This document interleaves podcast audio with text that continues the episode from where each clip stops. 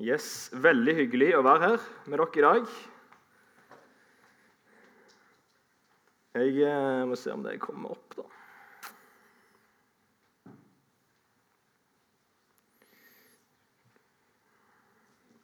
Der, vet du. Yes. Nei, Veldig hyggelig å være her. Jeg eh, er jo fra Sandnes, men jeg er stolt av å kunne si at jeg er egentlig halvt ålesunder. Så jeg føler på en måte at jeg er litt hjemme nå. Men eh, Jeg vet ikke om dere vil si det, men ja. Nei, men det er veldig bra. Eh, det jeg skal snakke om i dag, det er søndagens tekst, lignelsen om de ti brudepikene, i Mattes 25. De som kjenner meg godt, vet at jeg ofte er sein til ting. Jeg er den typen som ofte kommer 5, 6, 7, 10, 15 minutter for seint. Og eh, det kan være, for På skolen så var jeg alltid den som kom eh, inn et kvarter etterpå og bare ah, 'Sorry.' Eller til sosiale avtaler så er det sånn 'Oi, unnskyld, jeg glemte meg litt ut.' Eller, eller andre, andre, ting. Men jeg vil tørre å påstå at jeg har blitt litt bedre Eh, de senere åra. Eh, kanskje fordi jeg har fått litt sånn støkken i meg òg. For noen eh, det var kanskje et år eller to siden så skulle jeg ta flyet hjem fra Oslo til Stavanger for helga. Så satt jeg og spilte Fifa med han fyren jeg bodde med. Og så gikk det til ekstraomganger og straffekonk, og jeg glemte litt ut tida. Så når jeg skulle gå ut døra, så var det én time til flyet gikk. Og i Oslo så tar det fort en 40 minutter hvert å komme seg til til flyplassen, så jeg ble veldig stressa.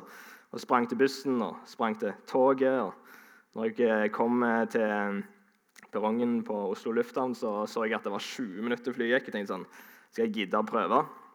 Men ja, familien venter på, på, meg hjemme. Jeg kan i hvert fall late som jeg prøvde å rekke flyet. Så jeg, jeg, tar, jeg springer inn og ser om det går. Kom til sikkerhetskontrollen. Fikk eh, heldigvis snike i køen, eh, og jeg kom meg forbi kontrollen. Og så sprang jeg alt jeg kunne opp til gaten. Og så heldigvis rakk jeg det akkurat. Så jeg kom jeg faktisk svett inn på flyet. Og Det var litt sånn småpinlig å sette seg ned, men jeg var veldig fornøyd med at jeg rakk det. da. Men uh, den opplevelsen gjorde at jeg tenkte at ok, Martin, du må skjerpe deg. Du må være mye mer på tida. Og jeg har funnet at uh, et sånt triks til andre som sliter med dette, her, da, det er å forberede seg litt tidligere. Eller forberede seg litt bedre. Ikke spill Fifa fram til du skal stikke og, uh, og ta et fly. Så jeg håper jeg er litt bedre nå. Men den teksten vi skal snakke om i dag, den handler om noen som eh, var for seint ute til en enda viktigere ting enn flyet hjem en helg. Og Vi leser i Matteus evangeliet, kapittel 25, vers 1-13. Der står det Da kan himmelriket sammenlignes med ti brudepiker som tok oljelampene sine og gikk ut for å møte brudgommen. Fem av dem var uforstandige, og fem var kloke. De uforstandige tok med seg lampene sine, men ikke olje. Men de kloke tok med seg kanner med olje sammen med lampene. Da det trakk ut før brudgommen kom, ble de alle trette og sovnet. Men ved midnatt lød et rop. Brudgommen kommer. Gå og møt ham. Da våknet alle brudepikene og gjorde lampene i stand. Men de uforstandige sa til de kloke.: Gi oss litt av oljen deres, for lampene våre slukner. Nei, svarte de kloke. Det blir ikke nok til både oss og dere. Gå heller til kjøpmannen og kjøp selv. Mens de var borte for å kjøpe, kom brudgommen. Og De som var forberedt, gikk sammen med ham inn til bryllupet. Og døren ble stengt. Senere kom også de andre brudepikene og sa, 'Herre, Herre, lukk opp for oss.'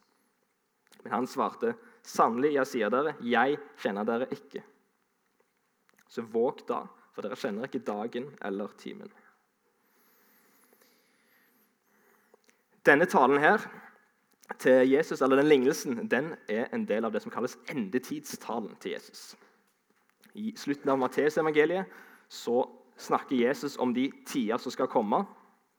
Både eh, rett etter eh, Jesu døde oppstandelse, men òg eh, mot slutten av verdenshistorien.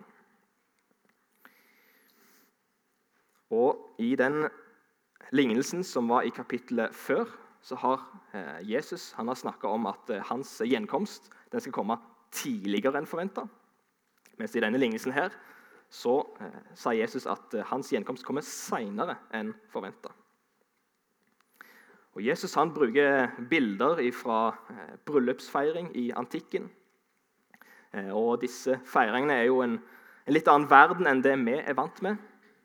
For den tida her så var det vanlig at en bodde hjemme helt fram til en gifta seg. Det kan jo for så vidt skje en òg. Um, men eh, da hadde en òg eh, fest i ei hel uke. Eh, og så var det litt sånn forskjellige tradisjoner da når det kom til, til feiring. Brudgommen han kom for å hente bruden i hennes hjem. Og Hjemme hos bruden så venta brudepikene sammen med bruden. Og så hadde de med seg lamper, sånn at hvis brudgommen kom når det var mørkt, så kunne de vise veien fram til bryllupslokalene. Men de visste ikke helt hvor lang tid det tok før brudgommen møtte opp, så da var det lurt å ha med seg ekstra olje. For de lampene som de hadde på den tida, det var jo ikke elektriske lamper, sånn som vi har i dag. De hadde ikke lys på telefonen sin, for de hadde ikke telefon. Så de hadde oljelamper. Og Da kunne jo da eh, man gå tomt for olje. I lignelsen så ser vi at det er fem brudepiker, de kloke brudepikene som har med seg ekstra olje så er det fem uforstandige brudepiker som ikke har med seg ekstra olje. Når brudgommen kommer, så eh, sier de uforstandige brudepikene, så spør de de andre om kan vi låne olje av dere. Men det kan de ikke, for da blir det ikke nok olje til alle. De er nødt til å komme seg ut for å få mer olje til lampene sine. Eh, og det er sannsynligvis ikke så lett å få tak i det på kvelden når det er mørkt. Og Når de da kommer tilbake igjen, så har allerede brudgommen kommet, og de får ikke være med på bryllupsfesten.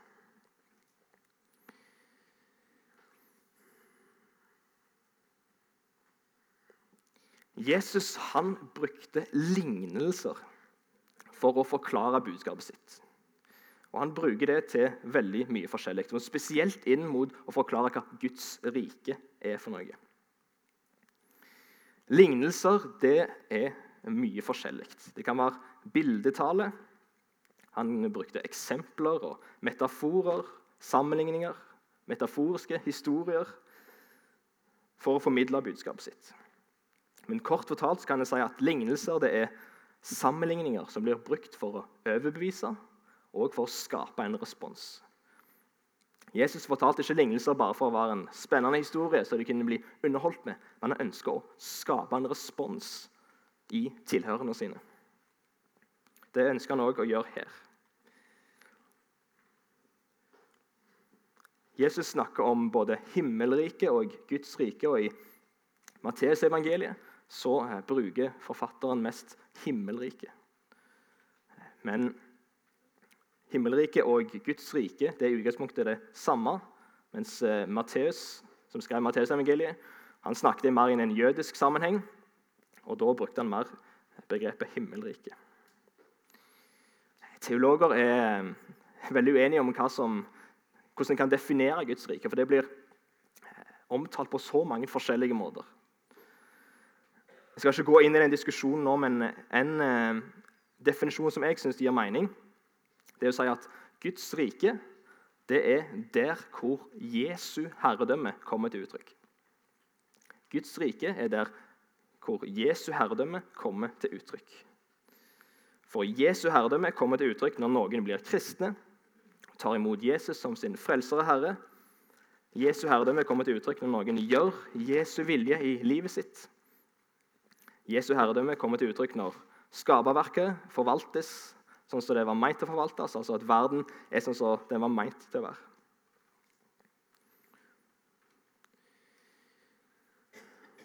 I denne lignelsen så kommer Jesus med, på en måte, med konklusjonen sjøl. Og han fokuserer på det å våke. Våg derfor, for dere kjenner ikke dagen eller timen. Resten av denne talen så har jeg lyst til at vi skal se på tre forskjellige spørsmål. Hva betyr det å våke? Hvorfor skal vi våke, og hvordan skal vi våke? Hva, hvorfor, hvordan. Hva betyr det å våke? Jesus bruker dette uttrykket her, våk, flere andre steder, bl.a. i Getsemanehagen, der han eh, venter sammen med disiplene sine fram til han skal bli eh, korsfesta og tatt til fange. Han sier til disiplene 'våk', for han vet at han kommer til å bli arrestert snart. Disiplene sovner, og de holder seg ikke våkne. Direkte oversatt så betyr dette ordet 'våk' det å være klar eller forberedt eller på alerten. Noen vil si at det kristenlivet det er ikke helt noe for meg.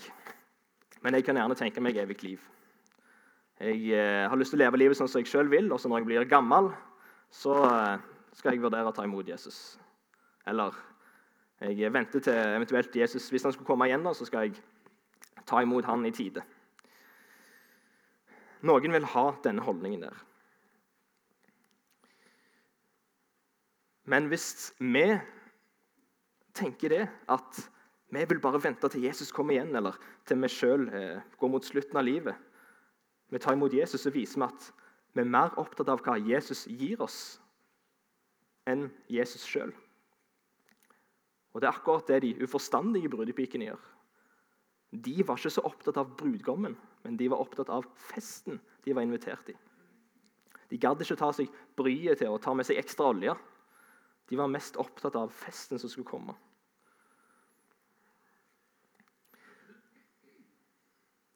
Jesus kaller oss ikke til seg bare for å gi oss evig liv, men han kaller oss til seg for å gi oss Han.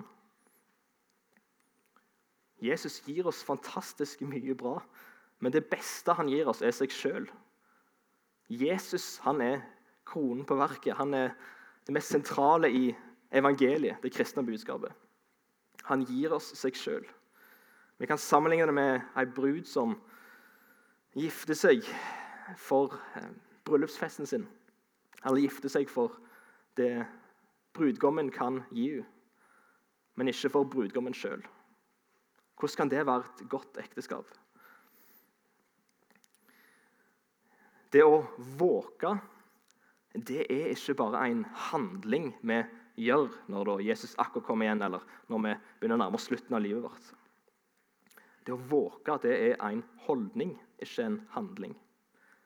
En holdning som preger livet vårt, og som preger livet vårt som disipler av Jesus.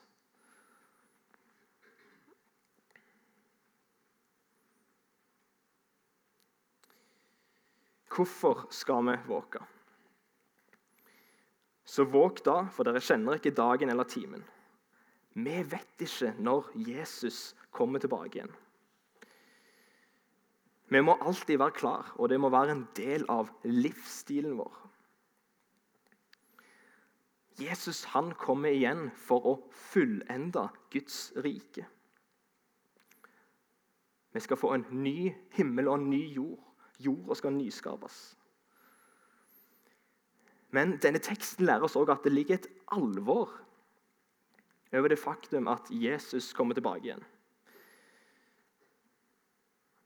Derfor skal vi òg våke.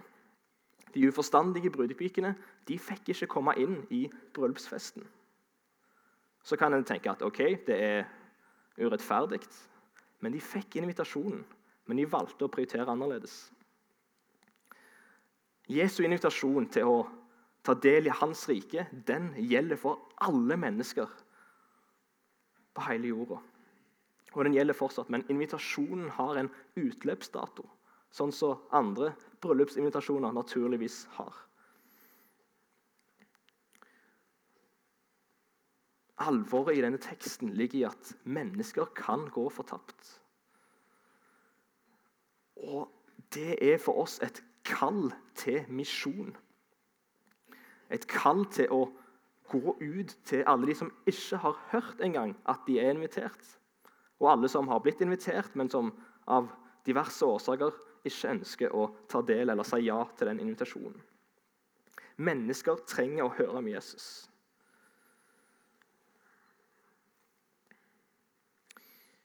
Hvordan skal vi våke? Guds rike det handler både om noe som er nær i tid, men òg noe som kommer i framtida.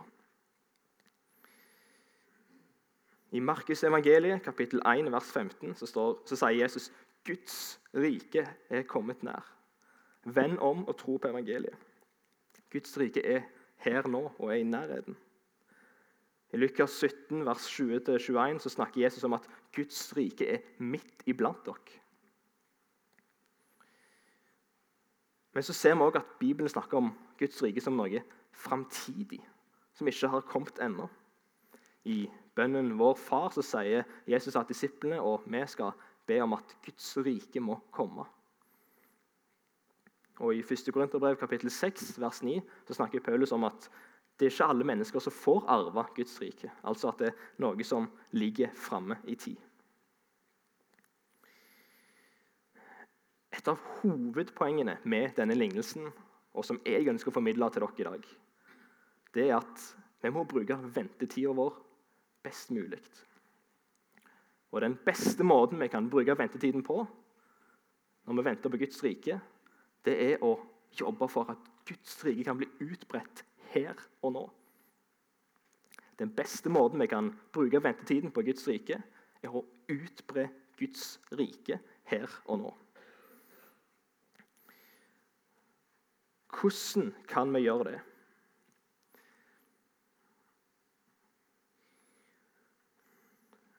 En måte vi kan gjøre det på, er å fortelle andre om Jesus. At mennesker får Jesus som herre, og at Gud er kongen i livene til mennesker. Når vi får ta del i Guds rike, så får vi en ny konge i livet vårt. Da går vi ned fra den tronen sjøl, som vi har trona på eh, på egen hånd, og så setter vi Gud på den tronen. Da er det han som bestemmer over livet vårt. Og det er hans budskap som gjelder for oss. At Jesus har dødd for syndene våre. At vi er rene i Guds øyne. Gud definerer hvem vi er. Vi kan utbre Guds rike gjennom å fortelle om hvem Jesus er, sånn at Gud kan være konge i livene til mennesker. Vi kan utbre Guds rike med å lære andre mennesker om hva liv Jesus kaller oss til. Guds regler gjelder. Hvis du flytter til et nytt land og får statsborgerskap i et nytt land, så er det de lovene i det nye landet som gjelder. Hvis jeg for flytter til Frankrike og bor der noen år og får statsborgerskap i Frankrike, så kan ikke jeg si at jo, men i Norge så er dette lov. Ja, men i Norge så er det greit å gjøre sånn og sånn. Nei, jeg må forholde meg til lovene og reglene som gjelder i Frankrike hvis jeg flytter der. På samme måte er det med når vi kommer, blir en del av Guds rike. Så er det de lovene og reglene som Gud setter, som gjelder for oss. Og de lovene og reglene er frigjørende for oss. En konge eller statsminister i et land er ikke perfekt, og de lovene han og regjeringen setter, kan oppleves urettferdige. Men Gud han er en perfekt Gud. Han vet hva som er til det beste for oss. Han skapte oss. Derfor kan vi stole på at det han sier er best, det er til det beste for oss. Vi kan utbre Guds rike gjennom å lære folk om Guds regler. Vi kan òg utbre Guds rike gjennom å bidra til Guds nyskapelse av verden. Vi er kalt til å forvalte skaperverket til Guds ære. Og Det handler om å gjøre denne verden sånn som den var meint til å være. Jesus skal en gang komme tilbake og fullende Guds rike. Og Da skal denne verden bli sånn som den var meint til å være. Ingen sorg, ingen smerte, ingen tårer. Og Mens vi venter på det, skal vi utbre Guds rike gjennom å gjøre sånn som Jesus gjorde. Han ga mat til de sultne, han brydde seg om de syke, han helbreda de syke. Han tok seg av de vanskeligstilte. Han så de som var ensomme. Vi kan òg utbre Guds rike gjennom å bidra til Guds nyskapelse av denne verden.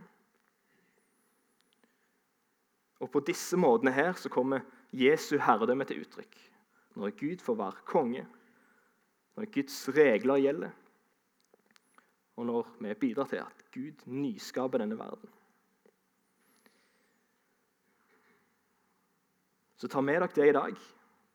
Den beste måten vi kan våke og vente på Guds kommende rike, og bruke ventetiden på å utbre Guds rike mens vi ennå venter.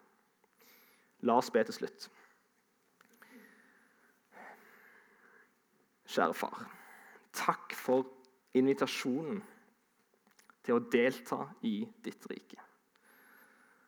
Takk for at vi har en bryllupsfest i vente. Og takk for at du inviterer alle i denne verden her. Du ser at det er så mange mennesker som ikke vet at de er invitert, eller som av andre grunner har tenkt at denne invitasjonen er ikke aktuelt for dem. Må du, far, utruste oss til å gå ut og utbre Guds rike. Og fortelle andre mennesker om hvem Jesus er.